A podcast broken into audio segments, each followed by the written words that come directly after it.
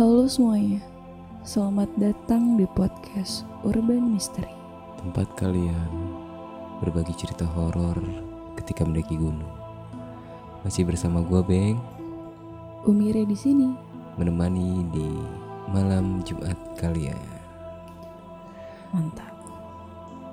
Ya, tidak terasa sudah sampai di episode 12. Yeay. Enggak meriah. kan biar ini seru. Ya. Sih? Nah, seperti opening kita. Seperti metil. Enggak gitu. Seperti opening kita, Re. Ngapa?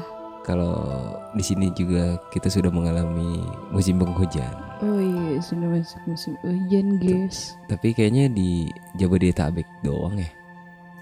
Hmm, baru ya. Iya. Seseringnya sih di sini kayaknya. In, in intensitas hujan di Jabodetabek udah lumayan tinggi Iya, sih. hampir setiap hari ya. Mm-mm. Menjelang siang, Mm-mm. mendung, menjelang sore, hujan. Soalnya gini, Re. eh, makin ke timur Indonesia tuh biasanya telat dia untuk hujan gitu. Iya masih summer ya kalian yang di daerah Iya. timur ya mantap jiwa. Hmm, jadi yang belum dapat hujan bersabar. Bersabar. Iya, kalau kita juga masih kaget nih diguyur hujan. Kira diguyur masa lalu. Iya. Ya, Diguyur kenangan. ya. Rindu dong. ntar. Ya by the way ngomong-ngomong tentang hujan, pasti persiapan kalian untuk hang out di outdoor. Ya, Eh, Hmm. enggak enggak oh, maksudnya enggak hangout juga maksudnya setiap hari Iya. pun kita harus sudah prepare betul Iya. jangan lupa jas hujan yang naik motor, yang Mm-mm. bersepeda. buat lo yang rutinitasnya masih keluar ya nggak WFH ini pasti kan harus prepare lagi tuh kayak jas hujannya segala Mm, macam payung-payung ya payung-payung lucu keluar lagi tuh pasti Wow, punya aku transparan dong. dan apalagi eh, ini re untuk yang berencana mendaki di musim hujan juga harus prepare banget dong Iya, Gitu. iya, iya, setuju, setuju. satu itu kan pertama hutan eh hutan apa alam itu nggak bisa ditebak mau gimana mau nggak mau ya harus nyiapin segala macem gitu Mm-mm. Bagi tips coba. Eh, jas hujan harus bawa Ya pasti itu. Mm-mm. kalau bisa perlengkapannya serba waterproof kalau bisa Mm-mm. kalau ya nggak bisa nggak apa-apa tapi Ya paling nggak bawa baju gantinya Nah. agak dilebihkan, tapi tetap disimpannya di apa namanya?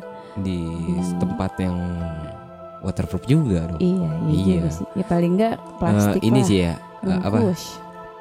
eh klasiknya kita kan biasanya ini kita packing pakai trash bag gitu kan Mm-mm. baru nanti di packing lagi untuk kayak bajunya logistiknya gini gini gini gitu Iya, iya. Tapi sebisa mungkin minimalisir penggunaan plastik ya teman-teman. iya karena di supermarket aja udah nggak pakai plastik Betul. Iya, kayak Nah, gitu Terus aja. bungkusnya pakai apa dong? kita harus punya ini kan yang kata tas belanja Iya, iya. iya Terus kalau bungkus si baju baju perlengkapan, ada ini namanya dry bag iya. iya kayak gitu gitu banyak lah sekarang dry bag dry bag yang murah-murah banyak kok gitu. bisa Pokoknya- melindungi barang lo nggak basah gitu Betul. terus juga tenda tuh re Apa? harus dicek lagi lah kalau yang pengen naik gunung di musim penghujan Iya tuh sealnya diliatin rontok Hmm. nggak? iya hasilnya terus dari apa ya eh, layernya juga dilihat juga nih Oh, masih iya, benar. masih kuat gak nih untuk nahan Hmm. hujan nih kan terembes nggak bisa tidur dong Kan pakai flashlight. iya sih harusnya itu iya tips juga tuh termasuk harus bawa flashlight soalnya kan selain dipakai buat di gunung eh maksudnya buat di camp buat di perjalanan juga bisa buat emergency iya, benar, ya kan bivak. Iya bikin bivak alamnya bivak alam mah dari tumbuhan. Iya, ya susah di gunung sekarang. Mm-mm. Terus juga pastiin juga lu ngecamp nggak di jalur air ya. Iya, Kalau jalur air tuh ya pasti mau gimana tetap rembes Mhm. dong gitu. Kayaknya sebagus apa pun tenda lu, mending cari lapaknya yang agak Yang bener lah. bagus gitu. Aha. Soalnya gitu juga kalau misalkan serapih mungkin lu persiapan kalau udah dihajar hujan sih ya bakalan porak-poranda juga re. Iya, iya. Iya gitu. Gue paling benci makanya kalau naik tuh diguyur hujan di trek gitu. Iya, capek banget pasti kan double. Iya tuh. double double double. Apalagi kayak gue gini pakai kacamata, Wah ngembun Hujan. dong. Ngembun ya? bukan ngembun lagi, berasa apa ya? Gue nggak ngeliat apa-apa deh selain burem. Iya itu. Belum lagi kena malam hujan ya. Waduh. Apa kabar Indonesia? Ya kan disaranin kan jangan trek malam. Kalau kena malam gue tampol. Iya. Oke Sama pokoknya. ini Mas, Apa? eh, untuk ngelap-ngelap bawa kanebo kali ya. Oh iya. Jadi jangan pakai apa namanya? Jangan pakai baju basah juga ngelap ya. Jangan Nggak kering ntar. jangan pakai tisu, kurangi penggunaan tisu. Mm-mm. Ingat, tisu terbuat dari pohon. Nanti pohonnya ditebangin mulu, hutan lu gundul. Iya betul. Eh sotoy gue, maaf maaf. Iya benar benar benar benar kan udah udah dibahas juga kayak gitu-gitu Iya iya benar. di tempat yang lain mestinya. Oke di episode 12 mau bahas cerita siapa Re? Ada nih sobat urban namanya Bang Boan. Oh Bang Boan, Bang Boan. Iya. Nama Instagramnya Bang Boan. Eh tahu. Nama iya benar Bang Oh, Boan. Nama nama aslinya tuh Aan Alamsyah. Weh, Ada alam-alamnya juga. Abangnya alam banget nih. Iya. Di mana Re ceritanya? Di Gunung Selamat. Wih, ini belum pernah ya dibahas sebelumnya di kita ini Gunung Iya. Selamat. Katanya ini ceritanya serem nih, pasti lu pada penasaran juga kan gimana ceritanya. Ship. Gimana? Biar nggak terlalu lama juga, mending langsung diceritain aja Re. Baik. Takis. Assalamualaikum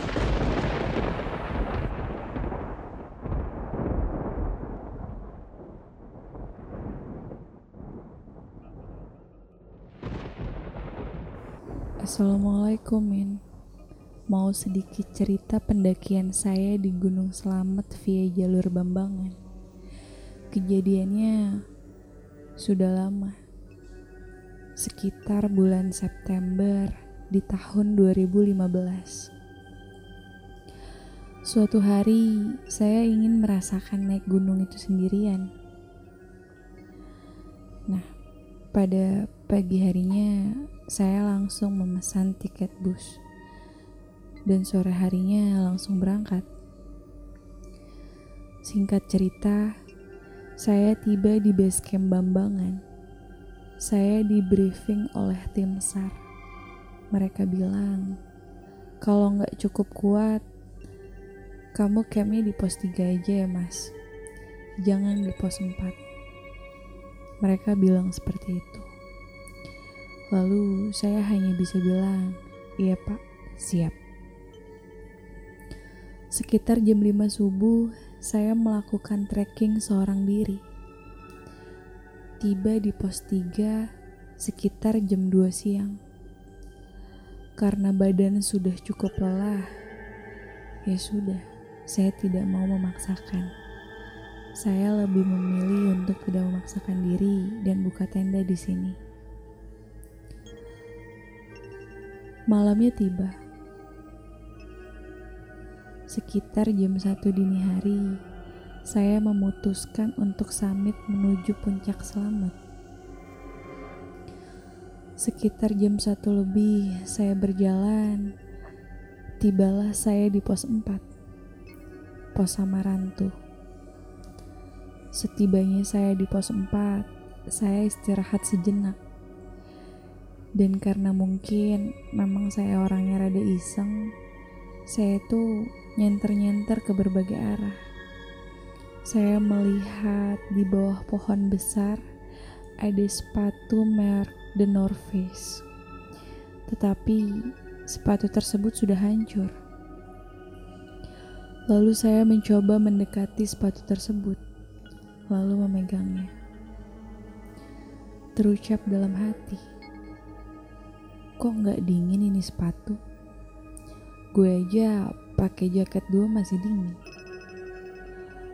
Nggak lama saya pegang, langsung saya taruh kembali sepatu tersebut di tempat semula. Selang lima menit setelahnya, saya memutuskan untuk berjalan kembali. Kira-kira baru beberapa langkah, Pas di tikungan pertama dari pos 4, saya kebetulan waktu itu berjalan nunduk. Pas lewat di tikungan pertama, saya terjatuh. Tertabrak oleh orang dengan cukup kencang. Saya sampai terjatuh lalu terduduk. Dan saya mencoba untuk langsung nengok ke arah atas. Dan ternyata ada sesosok makhluk halus menyerupai pendaki, membawa keril dengan muka yang sudah hancur dan berlumuran darah. Dia menatap saya. Tak lama, dia jatuh ke dalam jurang, seolah-olah sedang mempraktekkan apa yang sudah terjadi. Saya di situ terdiam. Rasanya benar-benar syok. Setelah minum sebentar, langsung saya lari menuju ke pos 5. Setibanya di pos 5 untuk mencari barengan ke puncak karena takut karena kondisinya keadaan masih sangat gelap. Sampai di puncak sekitar jam 8 pagi. Alhamdulillah selama turun gak ada kejadian aneh. Setibanya di base camp pukul 10 malam, saya mencoba mengobrol dengan tim SAR. Saya bilang, Pak, tadi saya ketemu pendaki. Mukanya hancur, berlumuran darah di pos 4. Lalu dia memeragakan cara dia jatuh, Pak. Kamu ditemui? Ujar tim SAR.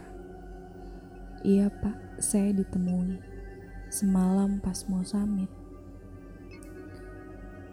Itu kejadiannya sudah 10 tahun yang lalu.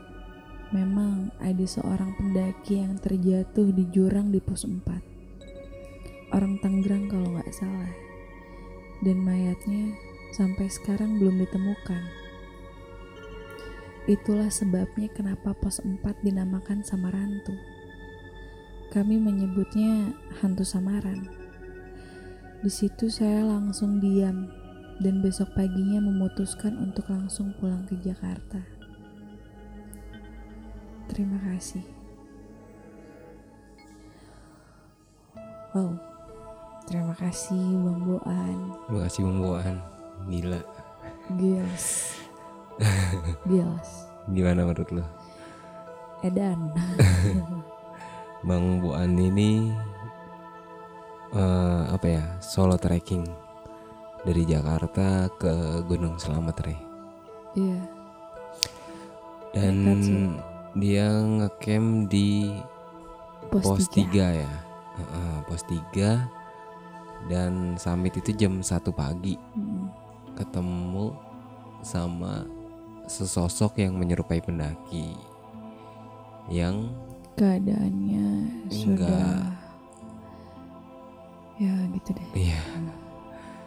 Ya konon katanya tuh sosok ini adalah pendaki yang apa ya yang pernah jatuh ke jurang. ke jurang di pos 4 uh-huh. dan jasadnya nggak ditemuin sampai sekarang. Dan kenapa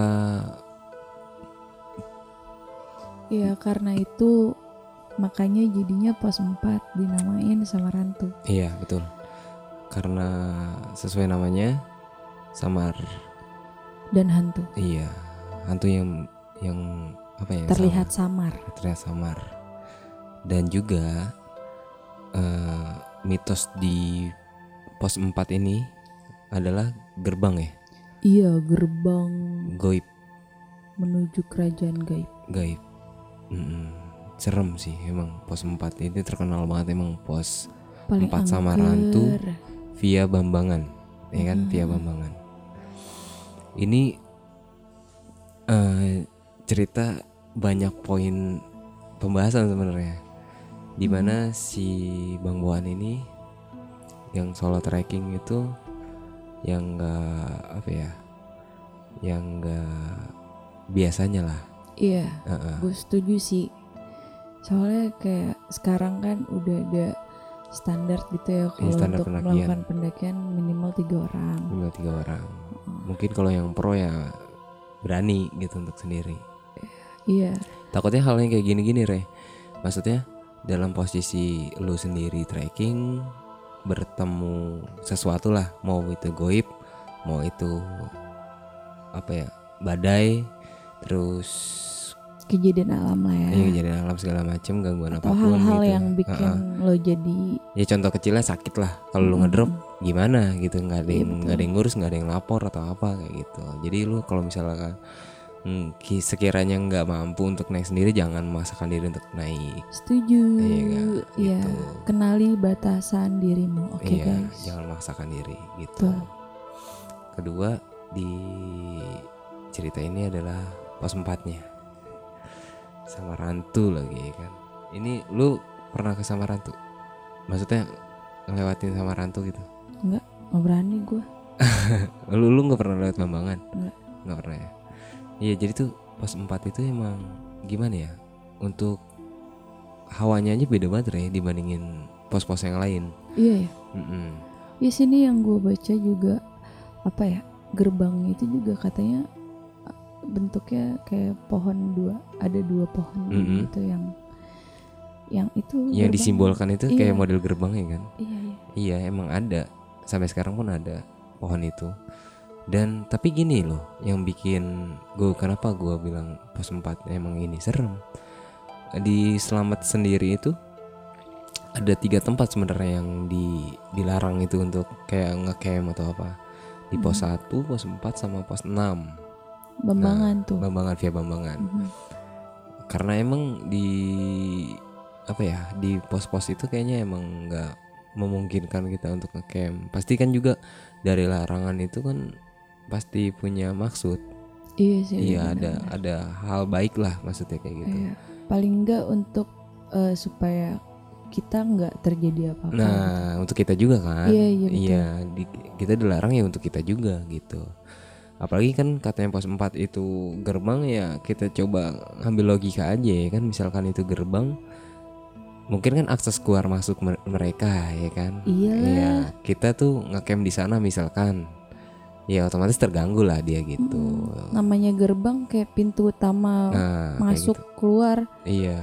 Ya kan? Iya terus kita tutupi gitu kan nggak mungkin kan gitu. Ya lebih disarankan lagi misalkan lu nggak kuat ya udah tok di pos 3 ya kan? Kalau mampu ya langsung ke pos 5 gitu. Iya. karena kan emang tempat yang strategis untuk ngecamp di Gunung Selamat via Bambangan itu kan di pos 5 atau nggak pos 7 kalau lu mampu pos 7 iya iya. Tapi Tapi juga pos 7 bukannya kebuka banget ya? Sa- iya kebuka sama. Gunung pos 5 juga terbuka. Hmm. Ke- tapi kan ada bangunan itu. Apa yang dari seng itu? oh iya iya iya, iya. tapi kan apa jangan ngecamp di dalam Iya, bangunan betul. itu gitu emergency coy Heeh, soalnya kan buat sesuatu Hmm.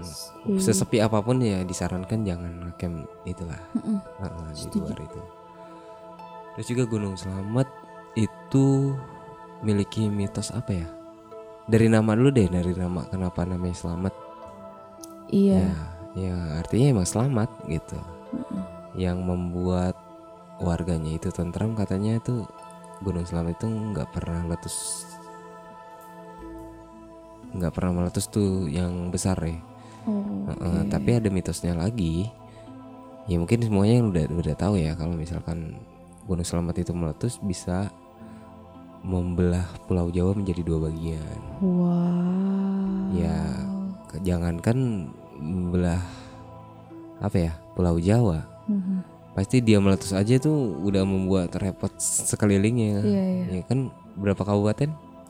lima lima lima ya Iya lima kabupaten. Apaan aja Brebes, lima. Banyumas Banyumas, Tegal ya, Tegal Malang Pemalang sama Purbalingga. Purbalingga Nah, Iya, itu. Gunung Selamat itu tertinggi di Jawa Tengah. tuh Ya wajar saja dia apa ya memiliki cerita yang iya sih. Iya. apa ya sakral Iya, juga. terus kayak ada daya tarik gitu loh. Heeh, Eh, Betul, betul. istilahnya kayak inner beauty ya Iya, inner iya, beauty. Emang ini re sebutan sebutan untuk kita semua itu kan gunung puncak gunung selamat itu puncak yang ngangenin katanya. Oh iya. iya karena emang viewnya bagus sih. Iya sih satu lautan sentral awan lautan kan. awan terus lo bisa viewnya ngeliat sinur sumbing berbau merapi Iya, sampai iya. ke Cermai pun kelihatan itu kalau lagi cerah kan bagus banget Padahal jauh ya.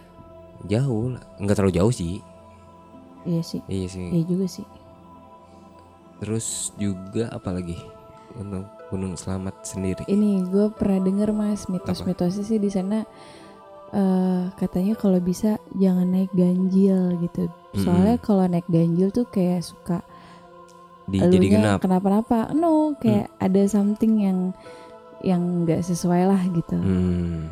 Gitu. Tuh. Terus sama apa ya di jalur mana Gucci guci yang ada makhluk kerdil. kerdil iya guci Iya kan? guci sama di air terjunnya juga ada hal seram juga di situ Sama Eh. ini paling yang ganggu apa binatangnya tuh yang bau. Oh ini Apa, bukan sigung? bukan sigung musang biul karena Hmm. warnanya hitam putih juga Hmm. karena sigung kan aslinya di sana di luar Oh iya. iya hewan asli luar negeri kalau di sini musang biul tapi kalau misal ngomong gunung selamat re gue pernah waktu itu naik gunung selamat nah ini di beda, beda ini ya beda tempat tapi kan ada kaitannya dengan si pos 4 ini karena 146 ini Heeh. karena gue bilang 146 gitu kan ya nah kalau teman gue dapat gangguan itu di pos 1 itu turun malam juga gitu. Dia? di pos 4 aman dia turun. Itu dia disamperin sama sosok hitam gede. Kan jadi pos 1 itu kan di atas ladang. Heeh. jadi batas ladang itu sama hutan lah. Nah itu pos satunya itu. Nah dia sempat istirahat katanya jam 8 atau setengah 9 malam gitu. Pas di luar itu ada sosok hitam gitu. Makanya dia langsung nggak lama langsung bablas turun ke base camp jadi mana. Wow. gitu. Dan ada satu lagi itu si apa si host kita YouTube si Adi. Dia selalu sakit kakinya kalau naik gunung selamat maksudnya dengkulnya. Nah waktu itu pernah Hmm. di apa ya di dipijit ya? Eh diurut gitu ya. Di bagian dengkul dengkulnya sakit. Katanya ada sosok ngikut di dengkul dia gitu. Aduh gue merinding coy. gitu. Sumpah. dulu tuh eh bukan ya gue takut gue bilang nanti takut takutin dulu tuh base camp namanya rumah Pak Haji Aha. Gunung Selamat. Itu sebenarnya ada ruangan satu. Katanya sih yang si sosok perempuan itu di situ. Tapi itu katanya di base, penunggu base camp katanya gitu. Oke.